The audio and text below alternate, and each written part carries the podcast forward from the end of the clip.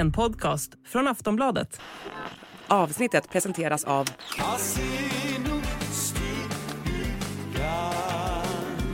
Stödlinjen.se, åldersgräns 18 år.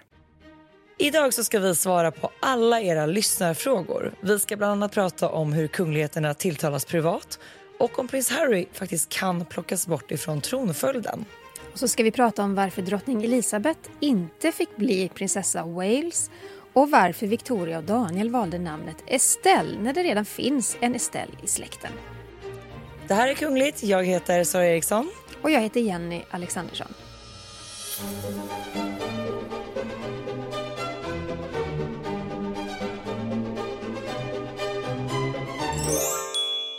Vi börjar med en fråga från Lotta som skriver så här. När drottning Elizabeth dog så pratade man om operation London Bridge. Vad heter den så kallade operationen inför Charles död och varför refereras alltid dessa planer till olika broar? Åh, vad spännande och bra fråga. När man pratar om kung Charles död och eh, efterföljande planer då säger man operation Menai Bridge. Och precis som Lotta skriver så var operation London Bridge den färdiga planen för drottningen prins Philips eh, hette Operation Fourth Bridge. Så varför har kungligheter olika broar och kodnamn som, eh, ja, inför planering kring deras död? Jo, det handlar om en tradition och religiös koppling. Den här bron ska symbolisera övergången mellan livet och döden där bron då leder till evigheten. Och bakom dessa kodnamn så ligger mycket planering. Det sägs att det tog ungefär 20 år för att förbereda drottning Elisabets begravning. Mm. Vi har fått en fråga ifrån Alva. Om kronprins Christians första barn blir en pojke, tror ni då att han kommer döpa honom till Fredrik för att hålla liv i traditionen att danska kungar heter Fredrik eller Christian? Ja, men om det blir så så tror jag faktiskt att man kommer att eh, vilja hålla kvar och fast vid den här traditionen. Eh, att man kommer vilja hålla den vid liv. Även om liksom danska monarkin också står inför att behöva moderniseras så är ju just det här den typen av tradition man förmodligen kommer att vilja hålla vid. Jag tänker läsa nästa fråga också för jag tror att svaret är något som du har koll på, du som kan allting okay. om modekläder, uniformer och så vidare. Det är Emily. Allt är att ta i, men jag kan försöka. Emily skriver så här. Tack för en väldigt bra podd. När jag under dagen följde trontillträdet i Danmark blev jag lite nyfiken på den speciella klädsel som ryttarna på hästarna framför vagnen som används i kortegen har på sig. Varför har de en jacka som till hälften är röd kavaj där armen inte är istoppad? Jag tänker det finns säkert någon spännande förklaring till det här. Ja, det här är ju en, en väldigt bra och spännande fråga och det är ju minst sagt en väldigt speciell men pampig uniform som de bär. Och det är en del av gardeshusarregementet som bär den här röda jackan som kallas pellis, tror jag man uttalar det. Och till början så användes den här jackan då för att skydda ryttarna från till exempel sabelskärningar, alltså från svärd. Eh, jacken i sig är ju väldigt stel och ganska så osmidig att bära och de här ryttarna då ska ju kunna rida samtidigt. Så därför har jag förstått det som att den ja, bärs då över ena axeln. Både armar och händer är ju fria från den här kavajen, precis som du skriver där, för att kunna då kontrollera hästen. Och för att den här kavajen som bara hänger lite där ska kunna hållas på, på plats så är den försedd med någon form av snodd som sitter fast i ryttaren. Så det, är en, det ser ut som att man har bara kastat på sig jackan i hallen och hoppat upp på hästen. Men den är väldigt snygg och stilig. Jag får nästan lägga upp en bild på det här när avsnittet släpps så ni kan titta på det.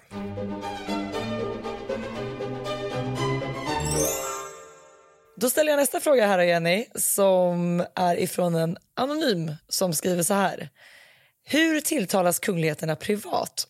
Kungen sa i dokumentären med Karin af Klintberg att han ville att hans kompisar skulle kalla honom för kungen när de tilltalade honom.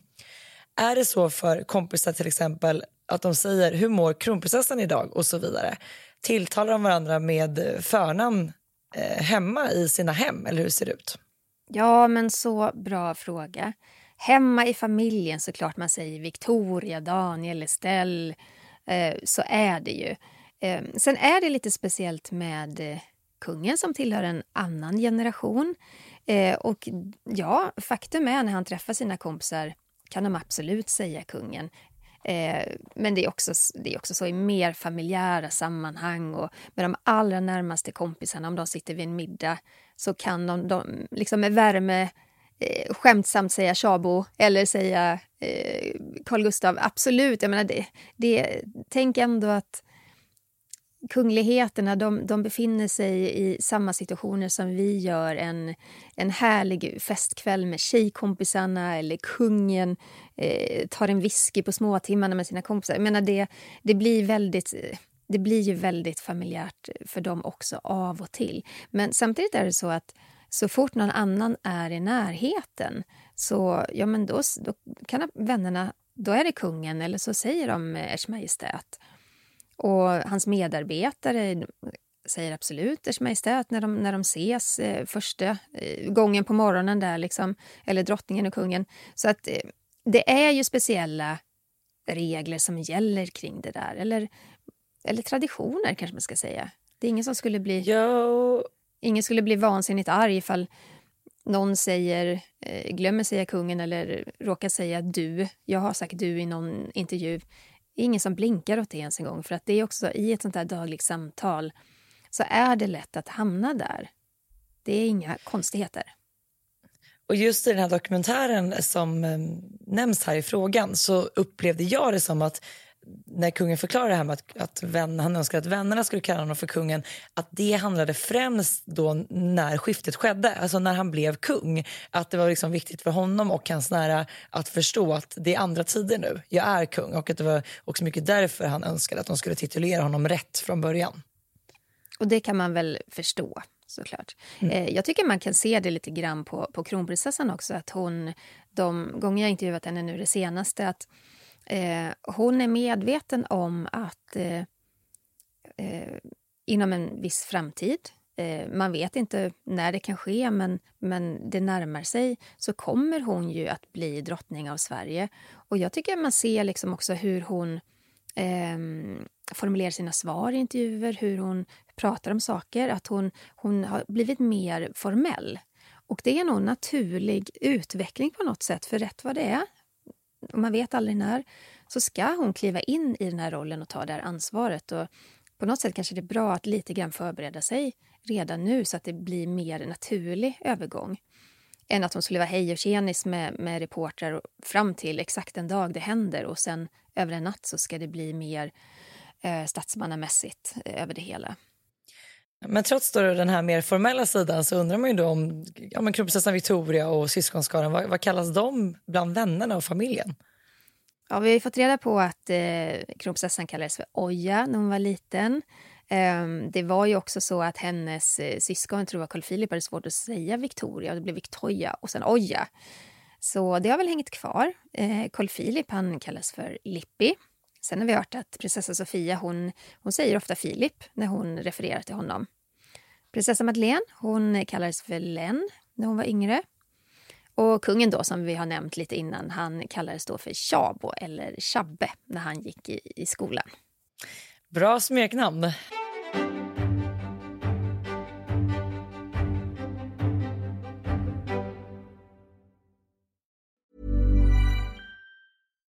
Millions of people have lost weight with personalized plans from Noom. Like Evan, who can't stand salads and still lost 50 pounds. Salads generally for most people are the easy button, right? For me, that wasn't an option. I never really was a salad guy. That's just not who I am. But Noom worked for me. Get your personalized plan today at Noom.com. Real Noom user compensated to provide their story. In four weeks, the typical Noom user can expect to lose one to two pounds per week. Individual results may vary. Vi har fått en fråga från en tjej som eh, hon vill vara anonym när vi nämner henne i podden. Men hon har två frågor. Första, var kommer Saras vackra örhängen ifrån från er poddbild? Den får du svara på. Det. Ja, örhängena kommer ifrån Caroline Svedbom. Eh, dock togs ju den här bilden 2018 eller 2019. Jag kommer inte ihåg Jenny. Men eh, jag tror inte att exakt de här öringarna finns, finns kvar. Men det finns ju många liknande eh, med mycket bling-bling så du får kika där. Eh, andra frågan. Varför valde kronprinsessan Victoria namnet Estelle när hennes kusin Kristina som är dotter till prinsessan Desiree, redan eh, valt det namnet åt sin dotter tio år tidigare. Ja men det stämmer. Prinsessan Desirees barnbarn heter ju Estelle De Geer och föddes år 2000. Så det kanske var lite märkligt då att det blev två stycken Estelle men det var ju faktiskt heller inte den första Estelle i familjen Bernadotte, det ska ju sägas. Utan Estelle Bernadotte levde mellan 1904 och 1984 och var gift med kungens gudfar Folke Bernadotte. Så det här är ju ett namn som man har gillat inom familjen. Sen är det klart att det kanske blir lite komplicerat i och med att det nu finns två stycken istället som ja, men lever samtidigt och ändå är relativt nära varandra. Men ja, ett namn de, de gillade tänker jag. Vad tänker du Jenny? Nej, men vi ser ju att vissa namn återkommer hela tiden då. Ehm, prinsessan Desirees dotter heter ju Kristina och Desirees syster heter ju Kristina. Så att vissa namn kanske man också väljer för att man vill hedra någon mm. annan i familjen som man står nära. Och det är ju lite speciellt att eh, Folke Bernadotte då, som var kungens gudfar, hans fru hette Estelle. Jag det, det, det, det, kommer tillbaka. Det var ju inte så att de plockade ett namn bara hepp, hepp, det här tycker vi är vackert, utan det finns ju en förankring, en kunglig förankring i nästan alla av de här namnen. Sen mm. ser vi också att eh, de nämner då något kungligt namn. Sen väljer de något namn som kommer ifrån eh, den de är gift med sida, som i det här fallet prins Daniel. Eh, då heter ju Estelle Eva i andra namn. Så att man plockar något sånt namn också.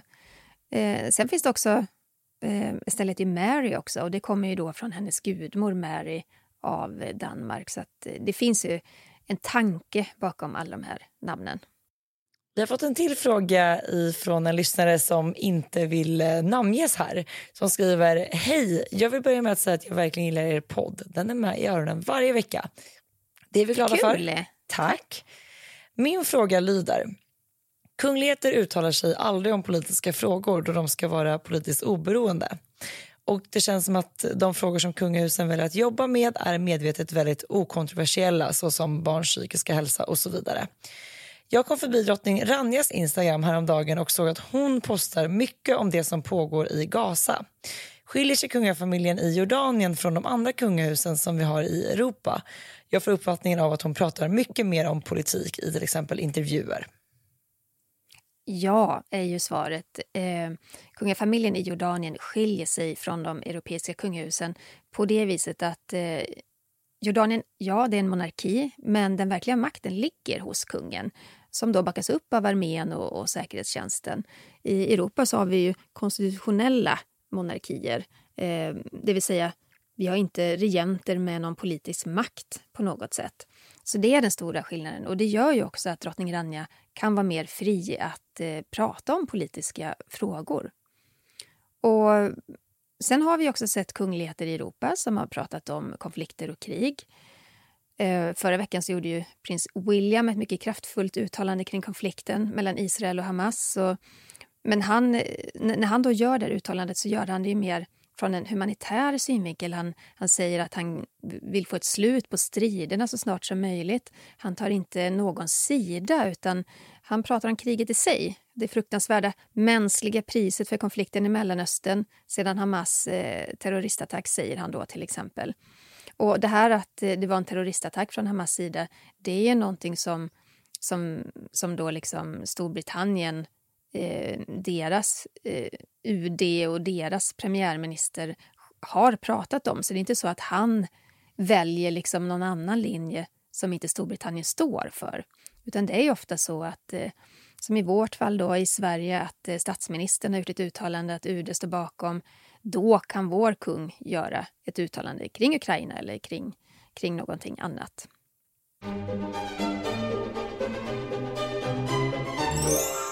Vi har fått en fråga från Katrin. Hej! Varför kan Harry stå på tur efter William till kungatronen? Han har ju lämnat kungafamiljen. Kan man ta bort honom? Kan man sätta in någon annan efter William om hans son är för liten? Ja, även om Harry och Meghan har lämnat kungafamiljen så har ju Harry fortsatt en plats i tronföljden. Och han är ju fortsatt prins. Han är till och med fortfarande kunglig höghet även om han inte får använda sin titel i kommersiella sammanhang. Eh, och frågan som ställs här, kan man ta bort honom? Eh, ta bort går väl inte just nu så, men det kommer gå att runda om frågan skulle bli aktuell nu, idag. Eh, den här frågan har ju växt till liv i och med att kung Charles är sjuk i cancer. Ehm, eftersom Harry inte är bosatt i Storbritannien och inte heller längre är en arbetande kunglighet så skulle man ju då kunna resonera kring att det blir prinsessan Anne eller någon annan i kungafamiljen som istället då kliver in i rollen som ställföreträdande riksföreståndare istället för Harry. Katrin har också fråga nummer två. Eh, I ett avsnitt av podden sa ni att William och Kates barn inte sitter med vid middagsbordet innan de kan föra en konversation. Stämmer det här? De vill ju framstå som moderna föräldrar. Hur kan man göra så? Ja, det var ju den före detta kungliga kocken Darren McRady som berättade för Independent att barnen inte då fick äta middagar med sina föräldrar under, det handlar mest om officiella middagar eller helgdagar. Um, han berättade då att de äter, ja, men, han, säger man barnkammare eller barnbord eh, tills de då har lärt sig hur man för ett trevligt samtal plus vett och etikett vid middagsbordet.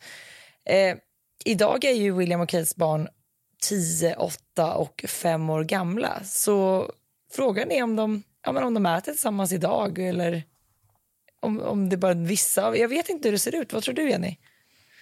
Det får man väl verkligen hoppas, för barnens mm. skull. För, för små barn eh, härmar ju och tittar på hur andra gör och lär sig väl otroligt mycket av att äta tillsammans med sina föräldrar plus att det är en mysig stund.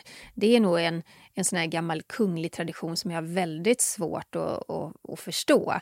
Jag tycker mm. det är jättehärligt att samlas vid en middag hela familjen. Men samma sak var det faktiskt, Sara, med danska kungafamiljen. För både Fredrik och, och Joakim har ju berättat att de åt ju inte heller middagar med med sin mamma och pappa eh, tidigt i livet. Nej, och när eh, numera kung Fredrik har berättat om det här, han har ju till och med sagt att både han och lillebror Joakim ja, men de kändes nästan som gäster när de var tillsammans med sina föräldrar. Just för att det var så uppdelat mellan när man träffade mamma och pappa och när man var med sin barnflicka istället. Och att man ja, men mycket, mycket sällan åt med sina föräldrar. Och det har man ju själv så himla svårt att förstå eller ens se framför sig. Man tänker på hur man själv har vuxit upp. Mm. Eh, som du säger, just det att man inte skulle äta med barnen. Och Kate och William, ja, men det är väl ändå en, en modern familj. Jag har svårt att, svårt att se att de liksom aldrig skulle äta tillsammans med sina barn. Sen är ju brittiska kungahuset lite mer konservativt. Men jag tänkte just den här, den här äldre generationen då. Eh, vår kung och hans systrar, de åt ju inte heller middagar med sin mamma, prinsessan Sibylla. Eh, det kanske man gjorde senare i livet då, men när de blivit lite större och sådär. Men ah, man får det är en verkligen annan generation. hoppas. Det är en annan generation, man får verkligen ja. hoppas att, eh, att det där ändrar sig helt enkelt. Vi har fått en fråga från Ullis som skriver Hej, jag har en fråga om private purse. Vad är det egentligen för slags inkomster? Är det från egendomen Lancaster som kungahuset äger till exempel jordbruksmark eller andra typer av fastigheter? För jag antar att det inte är befolkningen i Lancaster som står för fiolerna. Privy purse är ju en term som används för att beskriva de pengar som används eh, av kungen eller drottningen av Storbritannien i lite mer privata sammanhang. Som ska försörja Eh, de lite mer privata omkostnaderna och också flera i kungafamiljen och släktingar helt enkelt. Det vill man då inte att det ska vara för mycket skattepengar som går till det. Eh, men de här pengarna kommer från olika typer eh, av källor som är kopplade till kungahuset och hertigdömet. Det är inte så att allmänheten betalar en högre skatt i Lancaster bara för att försörja sin kung, så är det inte. Utan eh, det kan till exempel vara en fastighetsportfölj som innehåller en blandning av olika typer av egendomar. Det kan vara jordbruksmark, kommersiella fastigheter och, och bostäder. Och allt det här då eh, bidrar till Privy Purse och eh, går då vidare till kungen och hans familj och släktingar. Men det är viktigt att skilja mellan Privy Purse och Crown Estate. Det är en separat fastighetsportfölj som ägs av kronan och som genererar intäkter då som går till den brittiska regeringen för det ska finansiera offentliga utgifter.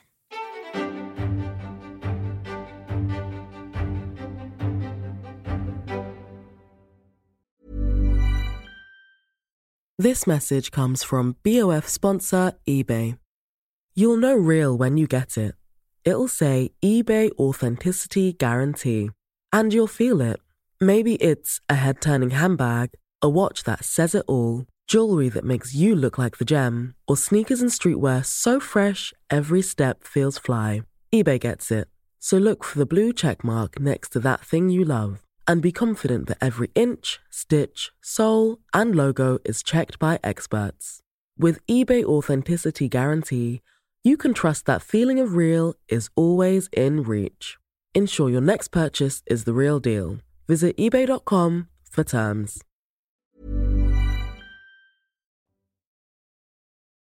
Vi har fått en fråga från Gunilla. Hej, det var ju några delar i paret Macrons besök som inte är så vanliga i dessa sammanhang. Ni har redan talat om tolken som Madame Macron använde trots att vår tolkutbildade drottning talar flytande franska. Jag reagerade på att Macron inte bodde på slottet som man ju av tradition gör. Eh, de bodde tydligen på bankhotell istället. Vet ni varför? Ja, men det får man ju börja med att säga att det, vi vet ju inte varför de valde att bo på bankhotell istället för slottet. Det där ser ju lite olika ut. Eh, till exempel när nederländska kungaparet genomförde ett statsbesök i Sverige bodde de ju på Kungliga slottet nu senast och ibland har gästerna bott på Grand Hotel och i det här fallet bankhotell som också ligger ganska så nära slottet. Det, det, har ju dock inte, vad vi vet, hänt att någon har valt just bankhotell vid den här typen av besök. Eh, det man däremot vet det är att det krävs otrolig säkerhet. Eh, jag menar, Macron och hans fru ska bo där. Hela hotellet var ju abonnerat för detta. Vanligtvis är ju till exempel hotellfrukosten öppen för andra som inte då nödvändigtvis bor på hotellet utan betalar för att bara äta frukosten. Det var ju stängt under hela det här besöket. Så att Hela hotellet var ju liksom igenbommat för detta så att det krävs ett extremt säkerhetspådrag såklart. Men vad tråkigt att bo på ett stängt och nerbommat ja. hotell. Jag får, jag får säga The Shining-känsla i de här korridorerna om inte en enda människa förutom de är där. Sen har väl de, ett helt, de en hel stab med sig. Eh, det är ju både liksom hovdamer och säkerhetsvakter och eh, kockar och hej och det ena med det andra. Eh, men, och de har ju med sig så mycket just för att de har också haft en svarsmiddag, då behövs det personal där och så vidare.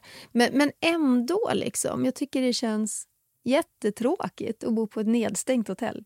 Väldigt eh, tråkigt och ekigt på så här hotellfrukosten. ja, hallå. Ja.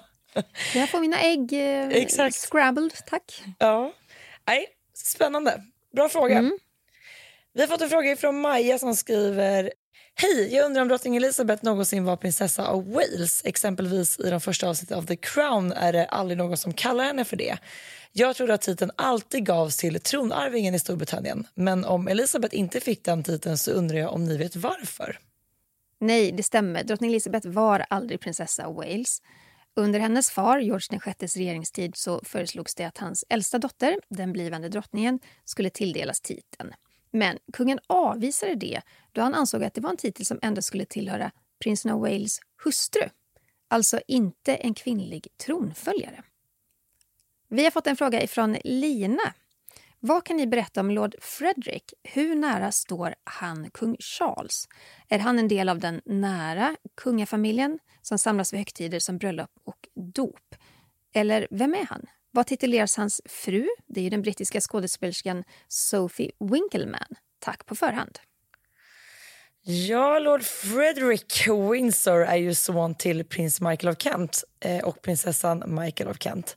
Eh, och Michael of Kent är ju, eller säger man var, kusin till drottning Elizabeth. Så det är ju så de är släkt. Och eh, han är ju absolut, eh, Lord Frederick är ju absolut en del av kungafamiljen. Jag eh, skulle inte säga att han är den delen som liksom är den innersta kretsen som liksom regelbundet deltar i officiella kungliga sammanhang eller evenemang. Utan han och hans familj de deltar i lite större liksom, händelser som bröllop och dop och så, så vidare. Eh, men eh, absolut inte framträdande som någon form av kärnfamilj skulle jag säga. Och då till hustrun, Jenny, jag som absolut aldrig kollar mm. på film eller någonting jag antar att du har lite mer koll på henne just i hennes skådespelaryrke, eller hur? Ja, men man känner verkligen igen henne. Hon heter Sophie Winkleman och hon, eh, hon är en duktig brittisk skådespelerska skulle jag vilja säga. Eh, offentligt så tituleras hon då Lady Frederick Windsor på grund av sin makes titel. Eh, hon spelade i Netflix-serien Sanditon. Alltså många av er som lyssnar tror jag har sett den faktiskt. Den var väldigt omtalad. Eh, det ska väl komma mer säsonger av den också tror jag. Men eh, där är hon med. Och Och eh, ja, man ser dem då och då, som du säger Sara, vid vissa kungliga tillfällen. Men, men inte alls så synliga.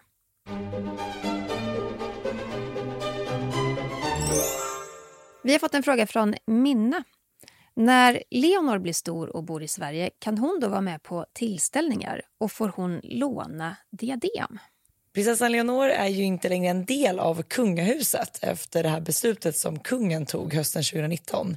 Men självklart kommer vi att kunna få se henne på kungliga tillställningar som har med familjen att göra eller jubileum av olika slag. Och det kommer ju säkert bli att vi ser henne mer när de flyttar till Sverige. Det kan ju vara allt ifrån födelsedagar, dop, bröllop och tronjubileum eller liknande. Eh, men hon får inte liksom representera Sverige eller kungahuset på det viset. Eh, hon skulle till exempel inte vara med vid ett statsbesök. Och om det inte är så att kronprinsessan Victoria tar ett annat beslut den dagen hon blir drottning eh, och helt enkelt gör att de blir en del av det kungliga huset igen. Men som det ser ut nu så är hon inte det. Vi har fått en fråga från Emma som skriver Hur tror ni att kungahusets användning av sociala medier påverkar deras image och relation till allmänheten? Det påverkar jättemycket. Idag så kan man ju inte vara en stor institution utan att ha sociala medier för det är där människor rör sig. Det är där vi alla finns på något sätt och interagerar. Så det är ganska självklart att även ett kungahus måste ha sociala medier. Och det kan man ju se. De har otroligt många följare. Det är otroligt många som eh, peppar och hejar på dem och skriver kommentarer. Det finns en del negativa kommentarer också. Men, eh, men det är många som är särskilt intresserade, tror jag, som, som följer kungahuset. Och det är ju en möjlighet för kungafamiljen att påverka bilden av sig själva. De kan ju själva skapa en bild som de kan föra ut. Och på det viset är det ju ganska starkt och, och tydligt verktyg för, för kungafamiljen. Vad säger du, Sara? Nej, men det är klart att det blir ju, i och med den här närvaron på sociala medier och allt vad det innebär så blir det lite att gå från det här, om man tittar historiskt sett, från makthavare till lite mer kändisar. Eh, men det är också så det ser, ser ut idag och det är jätteviktigt att att kungahusen har en närvaro på sociala medier. Alltså det är ju den snabbaste vägen att gå idag. Eh, jag är faktiskt förvånad att inte fler kungahus till exempel har hakat på det här med TikTok. Jag menar, vi ser dem på Facebook, vi ser dem på Instagram. Eh, nästa steg blir att de även finns på TikTok om de vill nå den yngre målgruppen. Tack snälla för alla frågor som ni skickat in. Vi kommer göra fler frågeavsnitt framöver, så fortsätt att ställa frågor. Skriv till kungligt aftonbladet.se. Och följ oss gärna på sociala medier. Mig hittar ni på rödlistan.se och var hittar man dig, Jenny? Främst på Instagram, kungligt med Jenny. Tack snälla för att ni har lyssnat på veckans avsnitt av Kungligt. Vi hörs igen nästa vecka. Hej då! Hej då!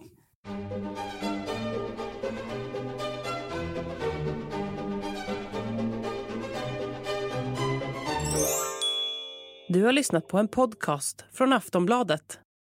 Ansvarig utgivare är Lena K Samuelsson. This message comes from BOF sponsor eBay. You'll know real when you get it. It'll say eBay Authenticity Guarantee. And you'll feel it. Maybe it's a head turning handbag, a watch that says it all, jewelry that makes you look like the gem, or sneakers and streetwear so fresh every step feels fly. eBay gets it. So look for the blue check mark next to that thing you love and be confident that every inch, stitch, sole, and logo is checked by experts. With eBay Authenticity Guarantee, you can trust that feeling of real is always in reach. Ensure your next purchase is the real deal. Visit eBay.com for terms.